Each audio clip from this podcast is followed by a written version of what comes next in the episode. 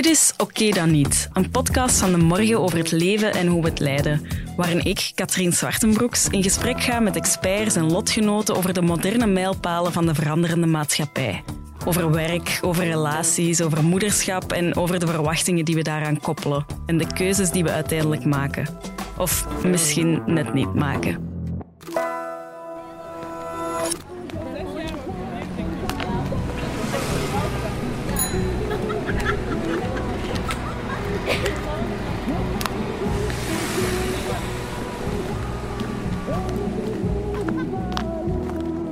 Is where the heart is, zegt men wel eens. Maar wat als je je hart verloren hebt aan een plek waar huizen onbetaalbaar zijn geworden?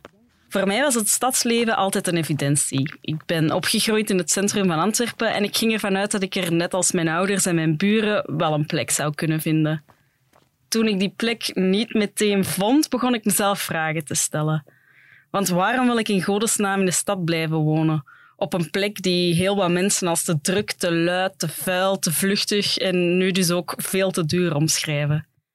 Is er zoiets als een stadsmens? En zo ja, over welke eigenschappen moet hij dan beschikken, behalve blijkbaar heel veel geld hebben? Ik dook in het stadsgedruis, recht naar een van mijn favoriete koffiebars, waar mensen net als ik, gekleed als ik, urenlang zitten te tikken op hun laptop, ongestoord door het achtergrondlawaai.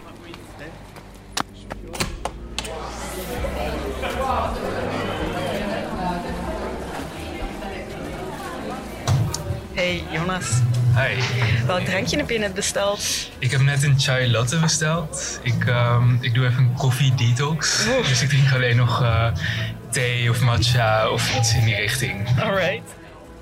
De Nederlandse journalist Jonas Kooijman is de bedenker en bezieler van de Havermelk-elite. Een razend populair platform met een nieuwsbrief en social media accounts waar hij twintigers en dertigers die zweren bij het stadsleven een spiegel voorhoudt. Mensen als hij en ik dus.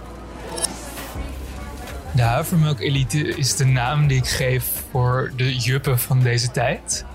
Dus het zijn eigenlijk eh, gegoede stedelingen. Die werken in de tech of in, in de cultuursector. Ze hebben een vrij hoog inkomen. En de focus van hun leven is op lifestyle. Dus het draait om uit eten gaan, bepaalde mode eh, dragen, bepaalde plekken op vakantie bezoeken.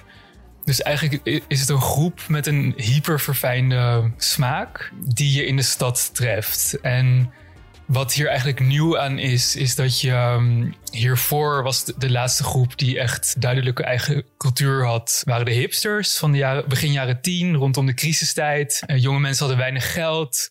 Het draaide om moestuintjes en vintage kleding. Maar die groep is langzaam eh, weggevaagd en vervangen door deze havermelk-elite.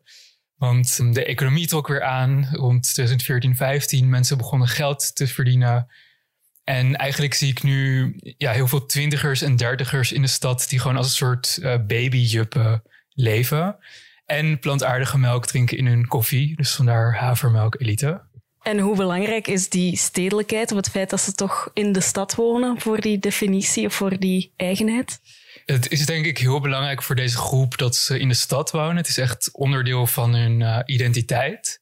Ik denk dat mensen van onze generatie, dus eh, rond de 30, allemaal bijvoorbeeld zijn opgegroeid met popcultuur waarin het stadsleven werd verheerlijkt. Dus denk aan series als Sex and the City of eh, The Hills. Daardoor hebben we allemaal een, een beetje dat beeld in ons hoofd geprent gekregen van dat grote, mislepende leven in de stad. En je ziet ook dat, eh, in ieder geval als ik voor Nederland spreek, dat mensen zich heel erg identificeren met, met hun identiteit als stedeling ten opzichte van boeren of provincialen in de rest van het land. Op mijn Instagram-account Havermelk Elite dan sturen mensen wel eens dingen in over wat ze dan meemaken als ze een weekendje weg zijn eh, op de Veluwe, een, een, een natuurgebied. En dat ze in een soort ja, wereldvreemde situaties terechtkomen. En, en het restaurants die om half negen al helemaal leeg zijn. Of ehm, dat, ze, dat ze niet tegen kunnen, eh, dat er zo weinig prikkels zijn. Of dat ze moeten slapen met white noise aan, omdat de stilte ze zo eh, zenuwachtig maakt. Ik denk dat vroeger mensen ook wel in de stad wouden wonen, omdat ze heel dichtbij alle voorzieningen waren, dat soort dingen. Vandaag hoeft dat in principe niet meer. Dus die aantrekking van de stad, ik snap wel waarom dat heel veel mensen tegen mij en vast ook tegen jou zeggen van oké, maar waarom wil je dan per se toch dat appartement in de stad vinden? Ja, en, en het doet me ook denken aan um, in de serie Girls, dan, dan zegt hoofdpersoon Hannah op een gegeven moment ook van, ja, we wonen allemaal in een stad, in dit geval New York, die ons eigenlijk niet eens wil hebben. Dat, dat gevoel heb je soms als je in een stad woont, zeker op een slechte dag. It's like we're all slaves to this place that doesn't even really want us, you know? En inderdaad, in theorie kun je gewoon ook in Nederland, maar ook in België gewoon in een buitenwijk gaan wonen of in een dorpje. Zeker corona heeft het laatste zetje gegeven. Alles is gewoon uh, digitaal beschikbaar. De trends die kun je gewoon via je social media volgen en ook thuis toepassen. Maar dat las ik ook in jouw boek, dat, dat die Florida zegt van... Um, voor mensen is het zo belangrijk voor hun identiteit om in een stad te wonen... omdat het in hun ogen iets zegt over wie ze zijn... of wie ze willen uitdragen dat ze zijn. Dat maakt het nog steeds zo aantrekkelijk voor veel mensen. De stad als persoonlijkheidskenmerk dus. Ik herken het wel. Maar wat dat precies omhelst is vaag. Net omdat je in de stad zo geconfronteerd wordt met de veelzijdigheid van onze samenleving. Je botst er op extreme armoede en buitensporige luxe. Je hoort de meest inspirerende tooggesprekken en de meest mensonterende burenruzies. Trap dagelijks op flyers van kunstgalerijen of net op kleine ziplock-zakjes met restjes poeder.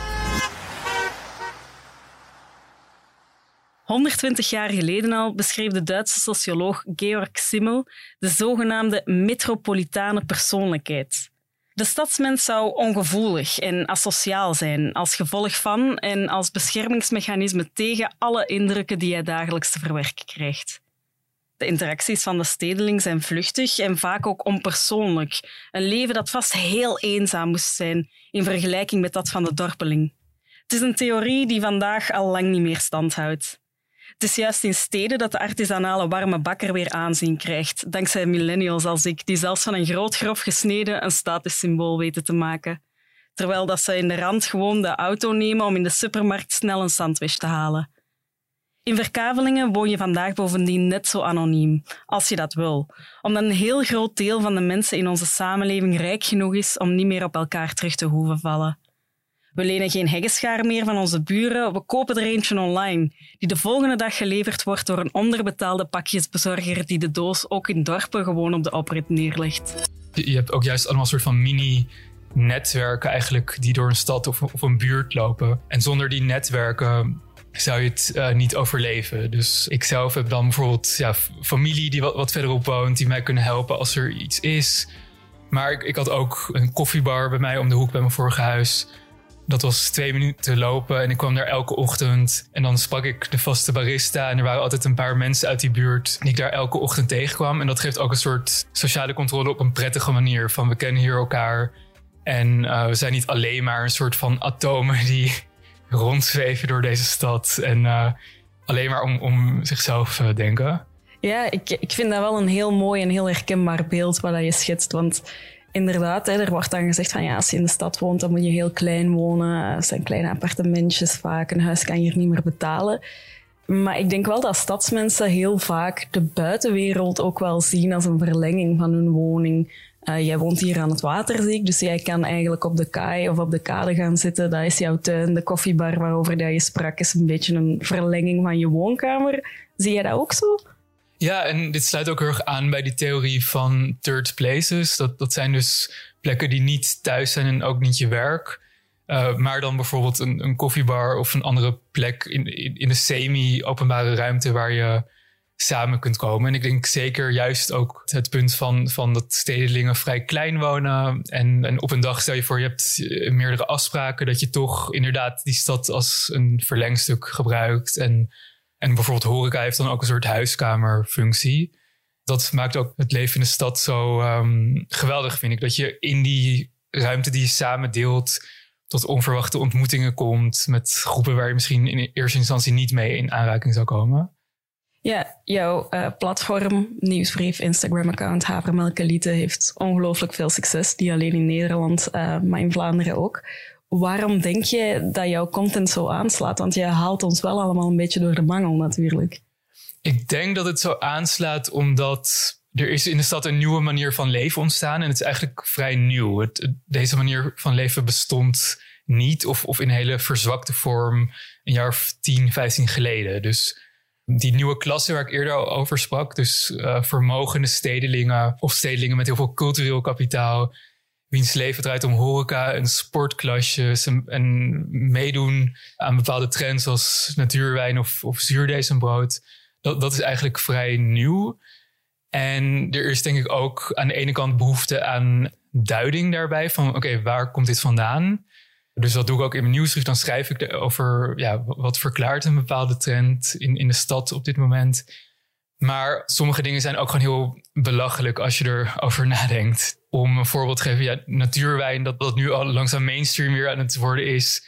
Maar ik had, ik had een stuk geschreven over, nog voor, voor de krant, voor NRC. Van ja, waarom leggen stedelingen opeens 30 euro neer voor een fles wijn? Terwijl uh, een paar jaar geleden was de fles van 12 euro bij, bij de Albert Heijn. Dat was al soort van de luxe uh, variant. En dan kom je erachter, ja, als je daar een beetje in gaat graven en spitten, dan kom je er toch achter dat het samenhangt met uitdragen van, van een bepaald status. Van kijk, en ik geef om, om het milieu, want deze fles is uh, biologisch geproduceerd bij een lokale wijnboer in Portugal. Het heeft ook iets van een, van een zweem van tegencultuur, want het logo op die fles is ontworpen door een graphic designer. Ja, en je kunt gewoon die 30 euro betalen voor zo'n fles. Dus toen ik daar een artikel over had geschreven, dan, dan krijg ik gewoon in die. En dan plaats ik dat door op mijn Instagram. En dan krijg ik gewoon allemaal herkenbare reacties. Dus het is ook een, een spiegel voorhouden. Ook mensen die, daar dan weer niet tegen kunnen. Dus er was één natuurwijnwinkel die heel geïrriteerd reageerde. Zo van, wat is er mis mee? Maar, maar die snapte niet dat het ook, ook ja, heel veel samenhangt met status en, en identiteit. Dus ik denk ook dat die herkenbaarheid, maar ook een beetje satire van oké, waar, waar zijn we echt met z'n allen mee bezig? Dat dat goed werkt. Ik, dacht ook laatst van als ik aan mijn opa en oma, die, die niet meer leven, maar als ik aan hun had moeten uitleggen hoe jij en ik leven, dat, dat hadden ze denk ik niks van gesnapt. Exact. En uh, ja, je haalt nu het privilege ook wel een beetje aan. Het feit dat het een statussymbool is, die natuurwijn, die uh, dure koffies. Um, ja, de woonplaats op zich in de stad is natuurlijk ook een statussymbool. Hè. Het is, de kranten staan er vol mee in België, in Nederland ongetwijfeld ook. Het is niet meer betaalbaar om in de stad te wonen. Ik vermoed dat dat dan ook een soort statussymbool is. In de stad wonen, net omdat het duur is. Ook om alle andere redenen die je opzomde. Maar toch, in de stad wonen, omdat het ook wel duur is. Ja, absoluut. En, en ik luisterde laatst een, een podcast, ik geloof van Ezra Klein van de New York Times. En daar was een gast en die zei ook van... om nu nog in de stad te kunnen wonen... moet je of heel veel geld hebben of er al, heel lang wonen. Dat je instapte op het moment dat het nog betaalbaar was... en, en, nog steeds die huurprijs betaalt. En dat is eigenlijk een vrij schokkend idee. Dat als je rondkijkt in de stad en, en dat het een van die twee groepen is. Ook hier in Amsterdam, je hebt wel ik geloof dat de helft van de stad hier is sociale huur. Maar die andere helft, dat is allemaal ja, super dure vrije markt. Dit staat ook uh, vrij haaks op hoe het stadsleven vroeger werd geromantiseerd. Een van mijn favoriete boeken is Just Kids van Patti Smith. En in dat boek beschrijft zij hoe ze in de jaren zeventig naar New York trok uh, met, met de droom om, om een kunstenaar te worden. Uh, ze ging in het Chelsea Hotel wonen. Dat was een gebouw waar kunstenaars woonden. En hoe ze met onder grote armoede um, haar kunst maakte en, en vocht om, om haar plekje te veroveren in die stad. En dat ze soms met haar partner Robert Mapplethorpe het, het geld van die dag uh, uh, moest een keuze maken. Gaan we het uitgeven aan een museumkaartje of aan onze maaltijd van die dag? En dat is dus een soort enorm bohemian, romantisch stadsleven. Heel hard, maar ook waarin nog plek was voor experiment en, en voor jonge, creatieve mensen met een grote droom. En ik denk, als Paddy Smith nu had geleefd, dan had ze misschien bij een reclamebureau moeten werken. En dan had ze groene smoothies gedronken. Dus dat, dat vind ik wel, ja, dat, dat is best wel shocking als je erover nadenkt. Dat die stad steeds meer een plek wordt voor, voor de rijken. En, en ik ben sowieso, dit is ook iets waar ik uh, wat me bezighoudt van wat doet het met een stad? Als je, als je normaal een soort van die um, creatievelingen hebben die als een soort van, uh, ja, hoe zeg je dat? De, mest zijn van de stad. Want, want, daar komt al het interessante vandaan op het gebied van cultuur, van mode, van eten, van kunst. Maar als die, stad steeds, of als die groep steeds meer wordt verdrongen uit de stad en, en de rijken hebben het voor het zeggen wat je nu al ja, in, in grote mate in Amsterdam ziet gebeuren. Wat doet dat met een stedelijke cultuur? Dragen we dan straks allemaal uh, Uniqlo en rijden op e-bikes en hebben we allemaal een corporate baan? Wat, dat, ja, dan wordt het een hele saaie stad. Ja, je schrijft daar momenteel ook een boek over, um, hoe de steden veranderd zijn de laatste uh, jaren. Kan je daar al iets over kwijt of uh, blijft dat nog geheim? Wat ik erover kan vertellen is dat mijn boek gaat over, dus als gevolg van, van die havermelk-elite lifestyle in de stad. Dus, dus dat, dat is langzaam aan de dominante groep aan het worden. En in, in het Nederlands, ja, je zegt ook wie uh, betaalt, bepaalt. Dus je ziet dat het, het aanbod in de stad heel erg op deze groep wordt afgestemd. Dus het een soort zichzelf versterkend effect. En mijn boek gaat heel erg over. Het is een soort aanklacht tegen de monocultuur die als gevolg daarvan aan het ontstaan is. Dus dat je op een uh, terras zit van een tent die je ook in Berlijn had kunnen vinden, of ook in Londen of in New York. Dat iedereen dezelfde kleding draagt, dezelfde voedselhypes uh, meedoet. En ik vind dat ja, toch, een, toch een grote verstraling van, de, van het stadsleven. Dus in mijn boek, ja, dat, dat wordt een aanklacht daartegen.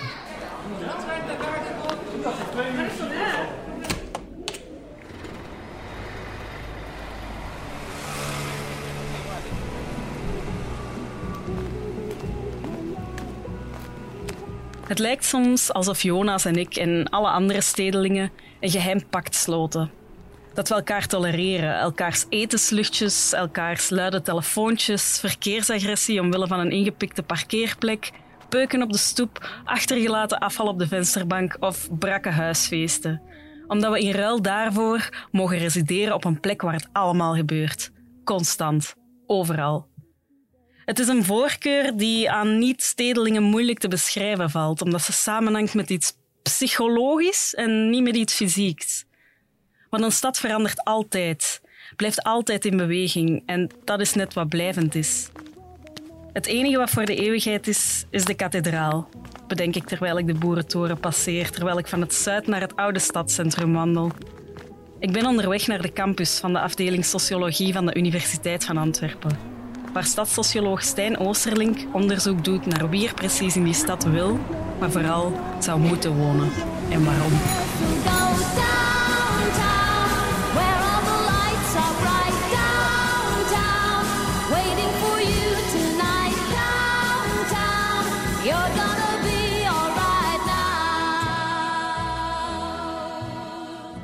Ieder geval wel zo dat we de, de laatste decennia zien dat waar de middenklasse vroeger in zijn geheel de stad ontvluchtte, dat daar nu de kinderen, of een deel van de kinderen van de mensen die vroeger de stad ontvlucht zijn, een andere keuze maakt. In de stad komt studeren, komt werken als student of als, als jonge werknemer. En eigenlijk eh, niet de keuze maakt om onmiddellijk naar de rand van de stad te gaan, maar in de stad wil blijven hangen, wil blijven wonen. Dat is een fenomeen dat we gentrificatie noemen, omdat die groep die die keuze maakt, doornaams hoger opgeleid is en een hoger inkomen heeft dan de, laten we zeggen, gemiddelde stadsbewoner die ja, de laatste decennia armer geworden is en gekleuter geworden is. Ja, gentrificatie, dat heeft doorgaans wel een beetje een, eh, een negatieve bijklank. Uh, van waar komt dat eigenlijk? Wel, de negatieve bijklank heeft te maken met het feit dat er uh, vaak verdringingseffecten ontstaan. Dus dat betekent dat in, in, in de bestaande ja, aanbod van huisvesting, die mensen die al die tijd de stad trouw gebleven zijn, dat zijn vooral mensen met een lager inkomen, mensen met een lager opleidingsniveau, maar ook vaak de, ja, de migranten die sinds de jaren 50, jaren 60 de gaten in, in de stad opgevuld hebben, de gaten die er gekomen zijn omdat die middenklasse er niet meer in de stad wil wonen, dat die nu plots geconfronteerd wordt met stijgende huurprijzen, met stijgende koopprijzen, omdat ja, die meer gefortuneerde middenklasser of een deel daarvan opnieuw de stad her, uh, herontdekt. En dat geeft een beetje een negatieve ja, imago aan, aan gentrificatie, omdat het bepaalde groepen in de stad uh, ja, verdringt.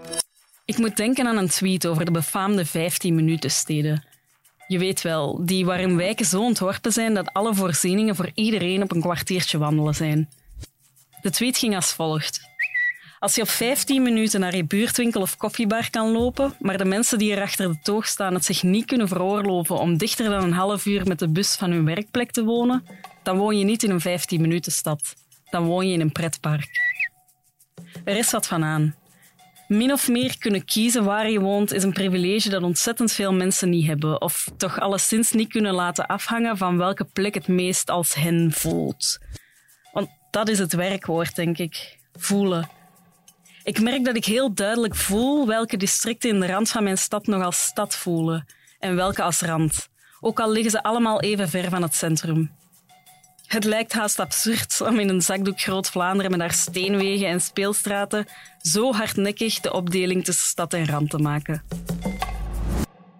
Het onderscheid tussen stad en platteland is, is politiek heel, recent heel gevoelig geworden. Hè. We hebben uh, de CD&V, die zich opnieuw positioneert als een plattelandspartij en die, die heel duidelijk die, die lijn trekt. Dat heeft onder meer te maken met het debat rond stikstof. Dat gebeurt ook in Nederland. Maar eigenlijk is die, die, die, die scheiding tussen stad en platteland die is grotendeels denkbeeldig. In die zin dat we eigenlijk in Vlaanderen nauwelijks nog platteland hebben. Als je de definitie die de Verenigde Naties gebruiken om, om, om de verstedelijking te meten, dan, dan leeft zo goed als iedereen in België in de stad, of in, zeker in Vlaanderen. Nu, dat betekent niet dat dat onderscheid volledig uit de lucht gegrepen is, maar het is vooral een mentaal onderscheid. Als je het platteland zou gaan definiëren aan de hand van open ruimte, niet bebouwde ruimte, dan is het in Vlaanderen zeer moeilijk om een plaats te vinden waar je rond kijkt en nergens niets ziet staan. Dus we hebben een zeer dicht bebouwd landschap, ook buiten de steden. Dus dat maakt dat puur morfologisch stedenbouwkundig dat onderscheid niet echt makkelijk te maken is. Dus we hebben heel veel ja, half bebouwd gebied, heel veel echt lang uitgestrekt open gebied hebben we niet meer. Maar in de mentale onderscheiden die mensen maken, maken ze wel nog vaak een onderscheid tussen, tussen stad en de niet-stad. Het is op zich dan wel frappant dat in politieke campagnes de cosmopolitische stedeling zo afgezet wordt tegen de gewone man die op het platteland woont of die in de rand woont. Dat, is dan toch wel een beetje een frappante misvatting, denk ik. Ja, er wordt, de stedeling wordt vaak vereenzelvigd met, met iemand die cosmopolitisch is, die zeer hoog geschoold is, die, die veel reist. En die groep bestaat natuurlijk in de steden. Maar de steden bestaan nog in veel grotere mate uit mensen die behoorlijk arm zijn, een behoorlijk laag inkomen hebben. Um, heel vaak mensen die nieuw zijn in de samenleving of mensen met een migratieachtergrond. Dus de, de, de gelijkschakeling die vaak gebeurt tussen de stedelijke en de rijke cosmopolitis is op drijfstand gebouwd. Dat klopt helemaal niet. Integendeel, een groot deel van de rijkdom in Vlaanderen zit eigenlijk in, de, in suburbaan Vlaanderen, in de verkavelingen. En ik, ik denk als je, als je Sammy Medi moet afzetten tegenover Bart de Wever. Bart de Wever zei ooit, Vlaanderen is een suburbaan land. En ik denk dat hij gelijk heeft. Vlaanderen is geen landelijk gebied, is geen regio met gewone mensen die in dorpen wonen. Vlaanderen is een suburbaan suburbane natie. Dus een natie van mensen die in niet volledig stedelijke, maar ook niet volledig landelijke gebieden wonen, daartussenin. En daar zit ook de rijkdom. En, en ook een groot deel van de scholingsgraad van, van Vlaanderen. Dus in die zin is het afzetten van de stedelijking ten aanzien van het gewone volk, is dat, uh, is dat nergens opgebouwd. Integendeel, de nieuwe arbeidersklasse, die woont eigenlijk in de steden. Dat zijn voornamelijk mensen met migratieachtergrond die in de lage, lage dienst, laagbetalende diensteconomie in de, in de industrie werken, die wonen eigenlijk hoofdzakelijk in de, in de steden. Dus uh, opnieuw, dat is iets wat een beeld dat voor politieke redenen ges, uh, geschapen wordt, dat eigenlijk helemaal niet aan de realiteit beantwoordt. Ik heb wel het idee dat stedelijkheid wel nog altijd heel fel aanwezig is in de media. Je hebt onder andere de havermelk-elite. Ik weet niet of u al eens van die term gehoord heeft. Ja, absoluut. Hè. Dan wordt ja, de havermelkelite, de, de bakfietsers. Uh, je kan er een aantal termen voor bedenken. En er is effectief in termen van, van eh, vooral in de culturele wereld, in de onderwijswereld, de wereld van, van experten, van auteurs, van schrijvers, is er inderdaad wel een verschuiving waarbij dat stedelijkheid veel centraler komt te staan. En dat is een groep die, die macht heeft, die culturele macht heeft in de samenleving. Zij produceren media, ze zijn zeer vocaal, ze produceren cultuur enzovoort. Maar dat schept een beetje een beeld dat die groep nu oppermachtig geworden is. En ik denk dat we dat toch wel moeten nuanceren. Het is de groep die op de beeldvorming, op, op de cultuurproductie eh, veel, veel controle heeft. Maar tegelijkertijd zie je wel als er beslissingen gemaakt worden die er echt toe doen. Neem nu bijvoorbeeld het voorbeeld van de automobiliteit. Er zijn van die pleits van de stedelijking die zegt van we hebben minder auto's nodig, we hebben verkeersvrije ruimtes nodig, we moeten ons anders gaan verplaatsen versus de randstedelijking die nog altijd overal met de auto naartoe wil kunnen gaan, die in, midden in de stad willen kunnen parkeren. Als je dat conflict bekijkt, dan is er in de binnenstad meer verkeersluwe ruimtes ontstaan. Maar vanaf je net voorbij die binnenstad gaat, dan zie je dat dat conflict nog altijd gewonnen wordt door die mensen die autotoegankelijkheid zeer belangrijk vinden. Als het gaat over de fiscale vrijstelling van bedrijfswagens enzovoort, dan zie je dat die, die mensen die zich nog heel sterk op de toegankelijkheid met de auto uh, oriënteren, de klassieke manier van mobiliteit, dat die nog altijd de bovenhand halen. Dus in die zin denk ik dat die culturele macht van die, de havermelkelite, zoals je ze genoemd hebt, dat die culturele macht er wel is, vergroot is, maar dat die toch niet uh, opweegt tegen de economische macht van de klassieke lobbygroepen die eigenlijk het superbanen wonen, een vrijstaande woning met een auto, nog altijd gaan verdedigen. Dus die economische elite die helemaal niet mee is met die stedelijkheid, die weegt nog altijd veel zwaarder door, denk ik. De slogan van de stad waar ik woon is: Stad is van iedereen. Maar hoe meer vastgoedadvertenties ik bekijk, lijkt de stad toch vooral voorbehouden aan zij die het kunnen betalen. Al komt dat misschien ook wel omdat de woning die ik zoek, eentje op maat van mijn dertigerleven met extra slaapkamer en een tuin en graag ook een garage, nogal dun bezaaid is in de stad. Ik kan in principe wel een woning in de stad betalen, een één slaapkamerappartement met uitzicht op een ventilatieschacht, maar ik kan de woning die ik wil niet in de stad betalen. Wat ik en heel veel van mijn leeftijdsgenoten voor heb, is dus niet zozeer een betaalbaarheidsprobleem, maar eerder een woonwenselijkheidsprobleem. En dat is een essentieel verschil, zegt Stijn Oosterlink. De stad is, is veel populairder geworden als, als woonplaats, dus dat betekent ook dat de prijzen veel hoger geworden zijn. En in de stad zit je natuurlijk, je hebt een beperking aan de ruimte, dus de grond is duur in de steden. En bovendien zit je met een, met een woningbestand dat heel vaak niet aangepast is, dat vaak oud is en niet aangepast is aan de hedendaagse comfortnoden. Um, en dat betekent dat de betaalbaarheid in de stad vaak een probleem is. Nu, daar moeten we wel een onderscheid maken tussen de betaalbaarheidsproblemen voor mensen die zeggen ik wil een, ik wil een huis met basiskwaliteiten zoals die van het woondecreet vastgelegd zijn. En daar heb je echt een betaalbaarheidsprobleem van mensen die niet in staat zijn om een woning te kopen of een woning te huren die aan basiskwaliteitsnoden voldoet. Een, badkamer, warm water, geen vochtproblemen, geen, geen schimmel in het huis. En de betaalbaarheidsproblemen die jonge, hooggeschoolde middenklasses ervaren, die zich het huis niet kunnen permitteren dat ze ideaal zouden willen. Met een stadstuin, met een eigen garage. En daar wordt er vaak over de toenemate een onderscheid gemaakt tussen woonwenselijkheidsproblemen en betaalbaarheidsproblemen. Omdat puur naar, naar basiswoonkwaliteiten die middenklassers zich wel een woning in de stad kunnen permitteren, maar met de, met de eisen die zich aan, aan die woning stellen, die vaak eisen zijn die uit een suburbane omgeving komen, een eigen garage, een eigen tuin, enzovoort, dat die natuurlijk in de stad, waar de ruimte beperkt is, waar de, waar de huizen ouder zijn, niet altijd aan te voldoen is. Waarom maken we een onderscheid tussen die woonwenselijkheidsproblemen en die uh, betaalbaarheidsproblemen? Omdat een deel van die woonmensen eigenlijk in de stad niet voldaan kunnen worden. Je kan zeer moeilijk iedereen in de stad een grote tuin geven. Dat is, of, een, losstaande, vrijstaande uh, woning geven, of zelfs een grondgebonden woning geven. En om te vermijden dat het beleid geld zal steken in de betaalbaarheidsproblemen van de 30, 40 procent hoogste inkomens, moeten denk ik toch wel een onderscheid maken tussen betaalbaarheidsprobleem en woonwenselijkheidsprobleem. Wat niet betekent dat er soms geen financiële drempels zijn. Zeker voor alleenstaanden in de stad om te gaan wonen. Dat moet absoluut serieus genomen worden. Maar er zit natuurlijk ook altijd de vraag van niet alleen van kan je woning betalen, maar, maar, maar wat is het precies dat je wenst en is dat dan betaalbaar in de stad? En soms moet je vaststellen, die woonmensen kun je in de stad eigenlijk niet, niet gaan realiseren. Het voelt ontzettend naïef en ook wel een tikje verwend om te denken dat ik recht heb op een permanente residentie op een plek die zo beweeglijk en vrij is. Puur omdat ik die beweeglijkheid inspirerend en rustgevend vind. Als het de constante verandering is die me zo aantrekt in de stad, is het misschien belangrijker dat ik die verandering ook eens toepas op mijn eigen eisenpakket. Want in wezen hoeft de stad er niet te zijn voor mensen die van zichzelf denken dat ze de stad verdienen. Laat de stad er eerst maar eens zijn voor zij die de stad nodig hebben.